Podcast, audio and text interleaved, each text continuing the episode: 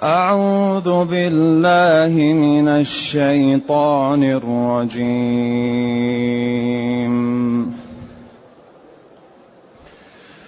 وقال فرعون ذروني أقتل موسى وليدع ربه وليدع ربه إني أخاف أن يبدل دينكم. إني أخاف أن يبدل دينكم أو أن يظهر في الأرض الفساد. وقال موسى إني بربي وربكم. إني عذت بربي وربكم من كل متكبر لا يؤمن بيوم الحساب.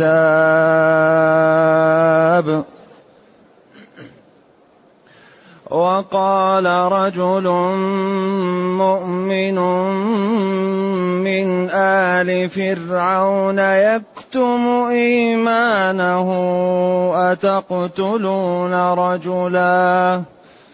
أتقتلون رجلا أن يقول ربي الله؟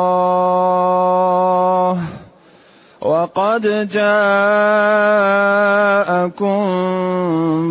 بالبينات من ربكم وإن يك كاذبا فعليه كذبه وإن يك صادقا يصبكم بعض الذي يعدكم وإن يك صادقا يصبكم بعض الذي يعدكم. إن الله لا يهدي من هو مسرف كذاب. يا قوم لكم الملك اليوم ظاهرين في الأرض.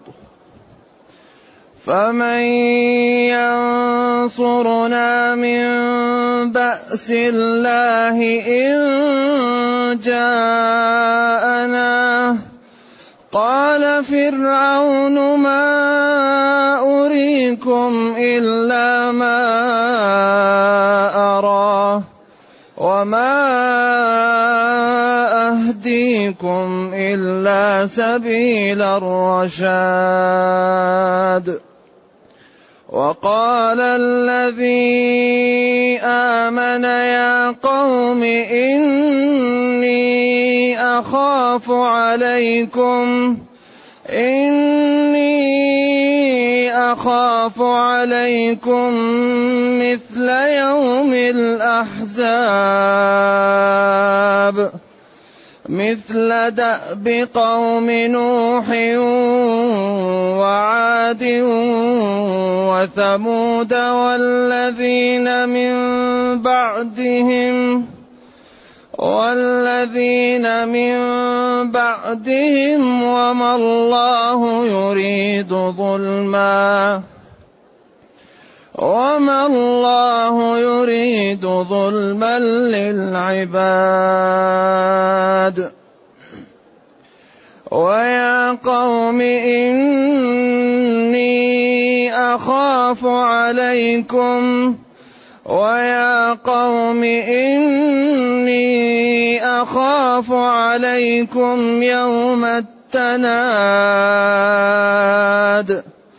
يوم تولون مدبرين ما لكم من الله من عاصم ما لكم من الله من عاصم عاصم ومن يضلل الله ومن يضلل الله فما له من هاد. الحمد لله الذي أنزل إلينا أشمل كتاب وأرسل إلينا أفضل الرسل. وجعلنا خير أمة أخرجت للناس. فله الحمد وله الشكر على هذه النعم العظيمة والآلاء الجسيمة. والصلاة والسلام على خير خلق الله وعلى آله وأصحابه ومن اهتدى بهداه. أما بعد فإن الله تعالى يقص ما حصل في هذه الآيات على نبيه بين موسى وبين فرعون وجماعته فيقول وقال فرعون فرعون ملك مصر ذروني اتركوني وهذا يدل على أن فرعون خايف وأنه يريد أن يتجرأ وهو قلبه مليء بالخوف من موسى. لأن ذروني طيب من منعك حتى تقول ذروني؟ ومن يمنعك لكن قلبه مليء بالخوف. تلأ قلبه من الخوف من موسى ولذلك يقال إنه لما رمى موسى العصا ورآها يعني عياذا بالله حصل له أشياء فظيعة. أصيب باسترسال بطن وأشياء تذكرها الإسرائيليات. فأصبح قلبه مليء بالخوف يقول ذروني هو السياق يدل على الخوف. أقتل موسى. طيب من منعك؟ ما هو أنت أول واحد وأنت صاحب الكلمة لكن في قلبه الخوف. سياق يدل على الخوف وعلى التوجس وأنه غير سوي في ما يفعل عياذا بالله. أقتل موسى. اتركوني أقتل موسى. لأنهم قالوا يقتلون أبناءهم قال تقتيل الأبناء لا يجدي وإنما نقتل موسى نفسه. بعدين قالوا له قبل ذلك لو قتلت موسى لدعا ربه وأهلكك. قال وليدعو ربه. الذي يزعم يساعده لا يمكن أن يمنعه مني. لما لا؟ إني أخاف أن يبدل أو يبدل دينكم. يفسد عليكم ما أنتم فيه. أو أن يظهر في الأرض الفساد. أو وأن. في قراءتان أو أو وأن إذا دائما المنحرف يرى أنه على إيش؟ يرى أنه على الحق. فرعون يقول أو أن يظهر في الأرض الفساد. في فساد أكبر مما تعمل يا فرعون. لكن غريب. ولذلك دائما يغالط. نمرود قال أنا أحيي وأميت. إبراهيم عدل عنه قال له إن الله يأتي بالشمس من المشرق فأتي بها من المغرب فبهت الذي كفر. بهت وإلا الخبيث كان يمكن يقول أنا الذي أتيت من الشمس خلي ربك يأتي بها من المغرب. يغالط لكن الله بهته. ما بقي عنده جواب.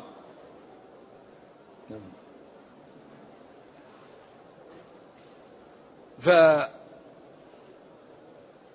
إني أخاف فرعون يقول إني أخاف أن يفسد عليكم البلد أو أن يظهر الفساد بما يأتي به. وقال رجل عند ذلك لما عزم وقال موسى لما قال فرعون ذلك قال موسى إني عذت بربي وربكم عذت لجأت واعتصمت بربي. مدبر أمري وأمركم بربكم من كل متكبر ويدخل فيه دخول أول فرعون ومن معه.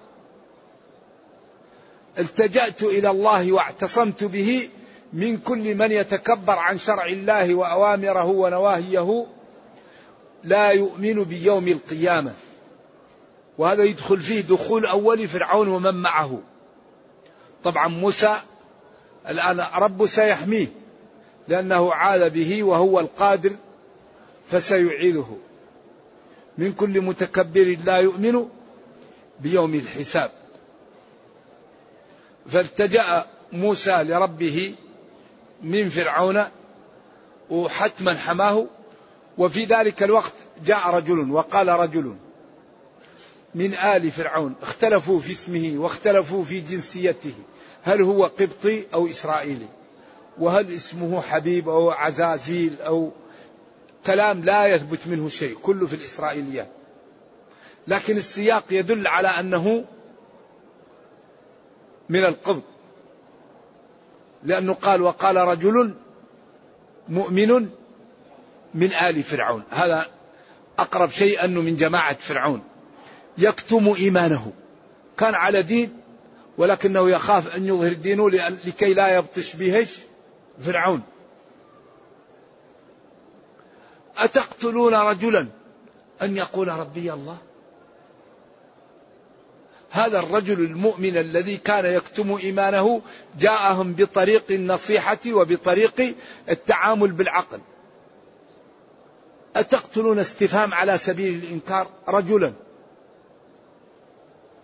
أن يقول ربي الله لأجل أن قال ربي الله. هذا لا لا يليق. وقد جاءكم بالبينات والحجج والبراهين الواضحة على صدقه وأنه رسول من عند الله. فإن زعمتم أنه كاذب فكذبه عليه. وإن يك صادقا ما وعدكم به يصبكم بعضه فتهلكون. أو بعضهم يقول يصبكم كله البعض بمعنى الكل ولكن هذا مرجوح. لأن الدلالة لا تدل عليه. إذا هذا الرجل الذي هو مؤمن من آل فرعون وكان يسر إيمانه ويكتمه قال لهم أتقتلون رجلا لأجل أن يقول ربي الله؟ هذا ظلم. ما أذاكم ولا عمل لكم شيء. قال ربي الله وآمن بالله تقتلونه؟ وقد أتاكم بالحجج والبراهين الواضحة على أنه رسول من عند الله وعلى أن ما جاء به الحق. وإن فرضنا أنه كاذب فكذبه عليه. وإن يك صادقا ما ذكركم بعضه إذا أصابكم تهلكون. وإن يك صادقا يصبكم بعض الذي يعدكم. إن الله لا يهدي من هو مسرف كذاب. والمسرف الكذاب هو فرعون. يا قوم لكم الملك ملك مصر. اليوم ظاهرين في الأرض ولكم الاستعلاء فيه. فإن آذيتم نبيه وكفرتم بالله فمن ينصركم من بعد الله؟ فمن ينصرنا من بعد الله؟ إن فمن ينصرنا من بأس الله إن جاءنا. فما الذي يمنع عنا عقوبة الله إن جاءتنا إذا هذا الكلام غاية في الجمال والحسن والعقلانية. فرعون دائما يغالط قال فرعون ما أريكم إلا ما أرى. ما أبين لكم إلا ما ذكرت لكم وأنصح لكم به. وما أهديكم إلا سبيل الرشاد. وهذا الحقيقة الذي يريهم الذي يراه هو عين الضلال والذي يدعوهم إليه هو الهلكة وهذه القصة تورد للنبي صلى الله عليه وسلم أولا لتثبيته لتثبيت قلب النبي صلى الله عليه وسلم. ثانيا لبيان صدقه لأنه يأتي بهذه التفاصيل وهو لا يقرأ ولا يكتب. ثالثا لتخويف من كذب النبي صلى الله عليه وسلم وأنه إن لم يؤمن سيقع به ما وقع بالأمم السابقة من المكذبين. هذه القصص من فوائدها تثبيت النبي وإزراء بالمكذبين وتخويف الذين أرسل لهم أنهم إن لم يؤمنوا يحل بهم من العقوبة ما حل بالأمم المكذبة السابقة. ولذلك قال لقد كان في قصصهم عبرة لأولي الألباب. وما كنت لديهم إذ يلقون أقلامهم أيهم يكفل مريم وما كنت لديهم إذ يختصمون. تلك من أنباء الغيب نوحيها إليك ما كنت تعلمها أنت ولا قومك من قبل هذا. نعم. إذا فرعون يقول هذا وهو كاذب. ما هو صادق؟ الذي يرى الضلال والطريقة التي يريد طريق الهلكة وقال الذي آمن يا قوم اتبعوني أهديكم سبيل الرشاد. وقال الذي آمن وهو الرجل الذي مؤمن من, من آل فرعون من القبط إني أخاف عليكم إن لم تؤمنوا وتتبعوا موسى مثل ما حصل ليوم الأحزاب الأمم السابقة التي كفرت برسلها ولم تؤمن بها فحلت بها الهلك والعذاب. وقال الذي آمن من القبط لقومه إني أخاف عليكم مثل يوم الأحزاب. أخاف عليكم أن يحل بكم من الهلاك ما حل بقوم نوح وهود السابقة. فبادروا بالتوبة واتبعوا نبيكم حتى لا يقع لكم ما وقع لهؤلاء. مثل دأب قوم نوح عادتهم في ذلك و وعاد وثمود والذين من بعدهم. ذكر ثلاثة نوح وعاد وثمود. نوح أهلكوا بما لا بالطوفان. ركبوا في السفينة وقال فانتصر. قال الله قال نوح لربه فانتصر. ففتحنا أبواب السماء بماء منهمر وفجرنا الأرض عيونا فالتقى الماء على أبر قد قدر. وهلك من في الأرض إلا من في السفينة. وبعدين قيل يا أرض ابلعي ماءك ويا سماء أقلعي وغيض الماء. وقضي الأمر واستوت على الجودي وقيل بعدا للقوم الظالمين. هلكوا. وعاد ما لا أرسل عليهم ريح صرصر عاتية سخرها عليهم سبع ليال وثمانية أيام حسوم فترى القوم فيها صرعى كأنهم أعجاز نخل. قلعت رؤوسهم فأبقت جثثهم كأعجاز النخل الخاوي. تعبير وتشبيه رائع. وثمود. هم قوم صالح. جاءتهم الصاعقة وأهلكتهم. إذا إني أخاف عليكم ما حل بالأمم السابقة فتهلكون كما هلكوا. إذا بادروا بالتوبة والدخول في هذا الدين قبل أن يحل بكم ما حل بالمكذبين قبلكم. وما الله وليس الله جل وعلا يريد أن يعذب خلقه ولم يختلفوا الآثام. فإن لم تتوبوا فأنتم معذبون. وإذا تبتم ولم تفعلوا المعاصي الله لا يريد ظلما للعباد. لا يعذب قوما إلا بعد أن تأتيهم الرسل ويكذبونها. إن الله لا يظلم الناس شيئا ولكن الناس أنفسهم يظلمون. ولذلك إذا كفر الإنسان ولم تأتيه الرسل لا يعذب. لا يعذب أحد ولو كان كافرا إلا بعد أن تأتيه الرسل. على القول الصحيح لأن الله قال وما كنا معذبين حتى نبعث رسولا. وما كنا معذبين حتى نبعث رسولا. وقال رسلا مبشرين ومنذرين لئلا يكون للناس على الله حجة بعد الرسل. وقال في حق أصناف أهل النار كلما ألقي فيها فوج كلما تقتضي التكرار ألقي فيها في النار فوج من أهل النار سألهم سأل أهل النار خزنة النار. ألم يأتكم نذير؟ قالوا بلى. قالوا بلى. قد جاءنا. هنا يقول قد جاءتنا. هنا قال لا. بلى قد جاءنا نذير. محل الإضمار أظهر فيه لخطورة الموقف. لأن دخول النار خطير. يقيم عليهم الحجة. وليس الله جل وعلا بمريد ظلما للعباد. وإنما الله تعالى ينصف عباده ويرحمهم ويكلأهم ويبين لهم طرق الخير ويأمرهم باتباعها ويبين لهم طرق الشر ويحذرهم من سلوكها وتركهم على المحجة البيضاء. أما الذين لم تأتيهم الرسل لا يعذبون أبدا. قال العلماء المحققون إن أهل الفترة والذين يموتون صغارا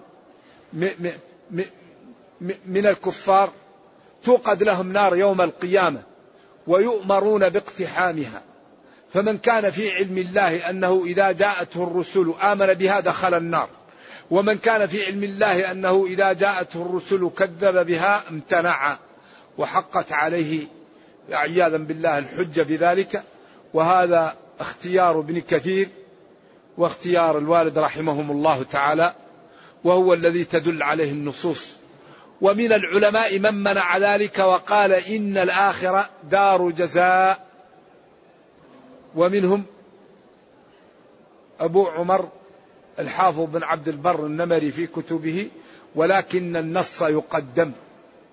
إذا اختلف العلماء إذا جاء النص يقدم. فهذا وردت فيه نصوص ثابتة ولذلك قدم على قول الحافظ أبو عمر بن عبد البر في كتبه. ويا قوم هذا الرجل المؤمن يقول لقومه ويا قوم إني أخاف عليكم يوم التنادي يوم القيامة. ينادى يا أهل الجنة يا أهل النار يا أصحاب الفضائل يا أصحاب الفضائح. ينادى. كل واحد ينادي. الذي عنده خير ينادى عليه والذي عنده شر ينادى عليه والذي ضاع له شيء ينادي له والذي يطلب شيء ينادي يوم التنادي. كلها ينادي الآخر. إذا الرجل المؤمن يقول لقومه إني أخاف عليكم يوم القيامة. كل واحد ينادى عليه بفضيحته. كل واحد ينادى عليه بمكرمته. ولذلك هذا اليوم ينبغي أن يعد له لأن هذا اليوم هو اللي فيه التمايز هو اللي فيه التفاضل. يوم يجمعكم ليوم الجمع ذلك يوم التغابن. في ناس في الغرف يراوا كالقمر كالنجوم أماكنهم. وفيه ناس عياذا بالله وجوههم مسودة كالحة. وفيه ناس ينجون. وفيه ناس فوق ذلك. ولذلك هذا اليوم هو الذي خوف هذا الرجل المؤمن قومه يوم التناد يوم القيامة الذي ينادى على كل واحد بما عمل. إن خيرا فخير وإن شر فشر. إني أخاف عليكم يوم القيامة يوم تولون مدبرين خائفين يعني ملتفتين. منكسرين. لا مهرب لكم. يحاول أن يهرب. المحشر يحوط به الملائكة. يعني حلقة ورا حلقة ورا حلقة ويقول يا معشر الجن والإنس إن استطعتم أن تنفذوا من أقطار السماوات والأرض فانفذوا هذا ليس في الدنيا. هذا يوم القيامة في المحشر. وذلك كثير من من يتكلم في التفسير يضع الآيات في غير موضعها. لا تنفذون إلا بقوة وسلطان وما عندكم قوة لأن الملائكة تحيط بكم والله قادر عليكم وكل واحد ينال جزاءه. لا ت... ما لكم من الله من عاصم. من حام يحميكم ومن يضلل الله فما له من هاد يهديه ويدعوه ويوفقه. ولذلك هذا يقال لنا ونحن في الدنيا. إذا ينبغي لنا أن نحذر ونخاف ونستقيم ونحاول أن نعطي وقتا لنفهم ديننا. لا بد من فهم الدين لنأخذ الدرجة الكاملة في الأعمال. كثير من المسلمين غير مستعد ليتعلم فروض العين والذي يعيش بين المسلمين لا يسامح في جهل فروض العين هذا لازم نفهمه. كثير من المسلمين ما عنده استعداد ليعلم ما الواجب عليه. والعبادات لها مواصفات معينة. إذا أداها المسلم على غير المواصفات المطلوبة يكون الأجر ناقصا أو معدوما.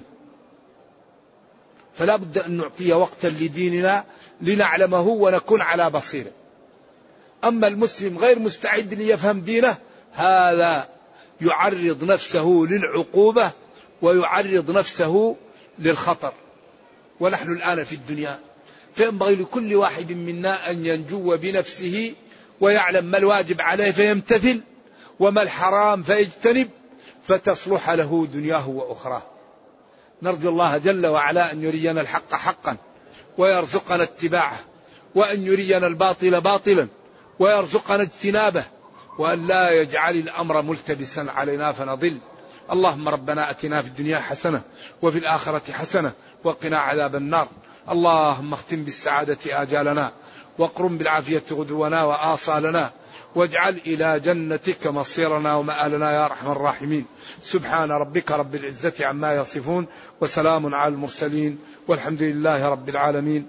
وصلى الله وسلم وبارك على نبينا محمد وعلى آله وصحبه والسلام عليكم ورحمة الله وبركاته. هذا السائل يقول في قوله تعالى وتواصوا بالحق وتواصوا بالصبر ما وجه الربط بين الحق والصبر؟ وكيف نتواصى بهما؟ الربط بينهما أن الصبر الحق لا يمكن أن يوصل إليه إلا بالصبر.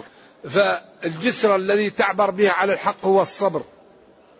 لأنك إذا قال لك شخص أنت أخطأت فتصبر إذا كنت أخطأت وتقبل. تقبل الحق. هذا يبقى صبر. والتواصي هو أن يوصي كل واحد منا الآخر.